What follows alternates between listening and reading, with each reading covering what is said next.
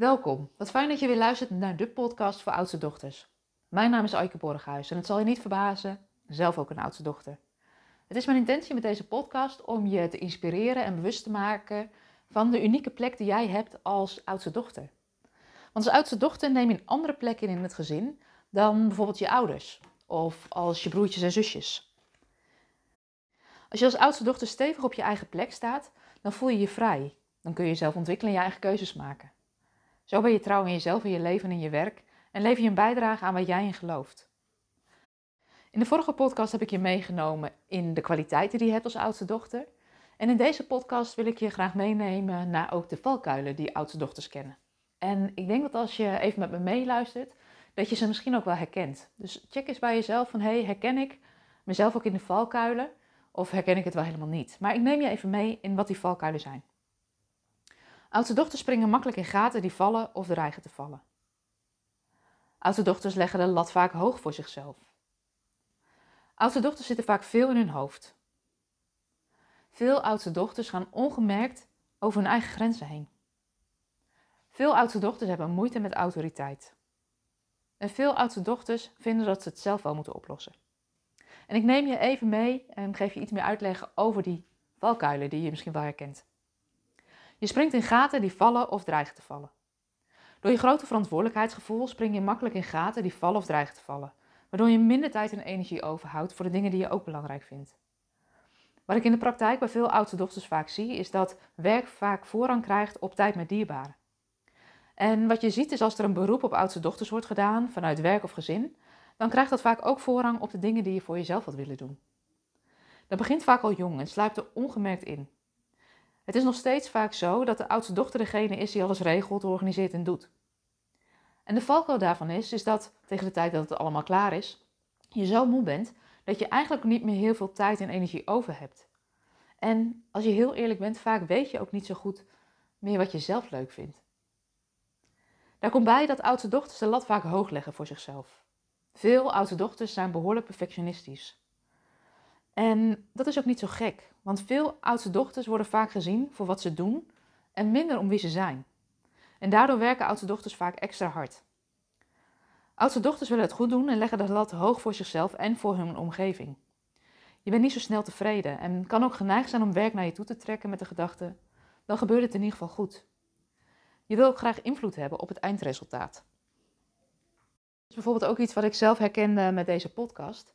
Ik voelde eigenlijk al een hele tijd dat ik die podcast wilde maken in opstart, omdat ik echt wel voel dat ik waarde kan delen met, met ja, wat ik weet en uh, de dingen die ik meemaak in mijn leven en in mijn werk.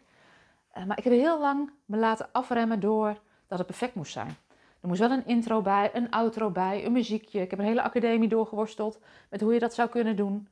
En daarom merkte ik eigenlijk dat ik mezelf liet tegenhouden. Het moest eerst beter, perfect. Maar perfectie bestaat niet en perfectie is zelfs saai. Dus ik heb nu gewoon besloten, ik ga het gewoon maar doen. Het tegenovergestelde kan dus ook gebeuren, um, is dat je als oudste dochter onder de druk die je voelt bezwijkt. Als je het gevoel hebt dat je niet aan de hoge verwachtingen kan voldoen, geef je liever bij voorbaat op. Of begin je ergens niet aan uit angst om te falen.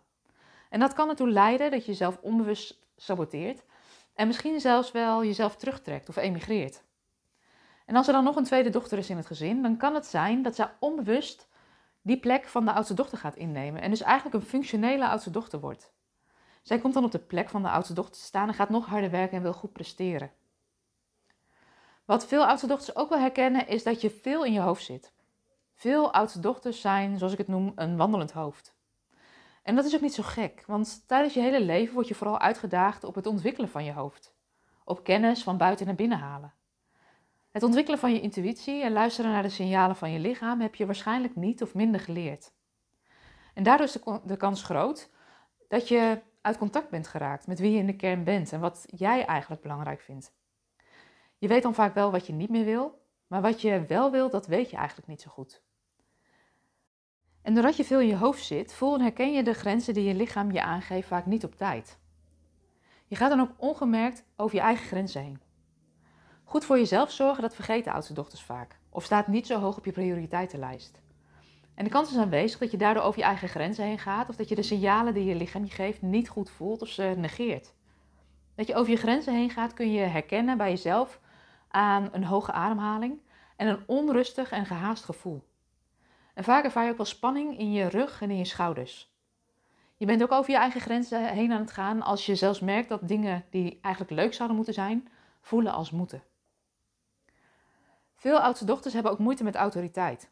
In het gezin van herkomst springen oudste dochters vaak in gaten die vallen of dreigen te vallen.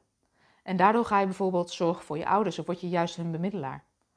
Dat doe je als kind onbewust en uit grote liefde voor je ouders en het familiesysteem. En dat patroon, waar je vaak niet zo bewust van bent, neem je ook mee naar andere contexten, zoals je werk. Als je bijvoorbeeld regelmatig gedoe ervaart met je leidinggevende of met mensen die hoger in functie staan in de organisatie, dan zou dit wel eens een teken kunnen zijn dat je niet op je eigen plek staat. En dit weet je bijna zeker als je heel regelmatig van baan verwisselt en tegen hetzelfde probleem blijft aanlopen. Dan heb je dus eigenlijk een patroon te pakken en weet je dat je op een andere manier naar een oplossing zou mogen kijken. In de praktijk zie je vaak dat oudste dochters dan ook op managementposities werken in organisaties waar ze zelf besluiten kunnen nemen. Of voor zichzelf gaan werken als ZZP'er of als ondernemer. Een grote valkuil die veel oudste dochters ook herkennen, denk ik, is dat je vindt dat je het zelf moet oplossen. De grootste valkuil van oudste dochters is dat ze denken en vinden dat ze het alleen moeten oplossen. Om hulp vragen is iets wat oudste dochters nooit hebben geleerd. En oudste dochters wachten daardoor ook vaak lang met hulp inschakelen. We stralen vaak ook wel uit dat we het zelf wel kunnen. En daardoor bieden andere mensen ook niet zozeer of zo snel hulp aan. We zijn aan het einde gekomen van de zes valkuilen die veel oudste dochters wel herkennen. Ik herhaal ze nog even kort. Je springt in gaten die vallen of dreigen te vallen. Je legt de lat hoog voor jezelf. Je zit veel in je hoofd. Je gaat ongemerkt over je eigen grenzen heen. Je hebt moeite met autoriteit. En je vindt dat je het alleen moet oplossen. En met name die laatste valkuil, dat je vindt dat je het alleen op moet lossen, houdt oudste dochters ja, eigenlijk gevangen op de plek waar ze nu zitten. En daar ga ik in de volgende podcast wat meer over vertellen. Van hoe het nou komt dat je denkt als oudste dochter dat je het alleen moet oplossen. We zijn nu ook alweer aan het einde gekomen van deze podcast, waarin ik je ja, deelgenoot heb gemaakt van de valkuilen die veel oudste dochters wel herkennen. Dankjewel voor het luisteren naar deze podcast. Ik wens je een hele fijne dag en ik zie je graag weer bij de volgende podcast.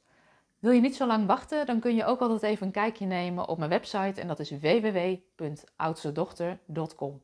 Een fijne dag vandaag.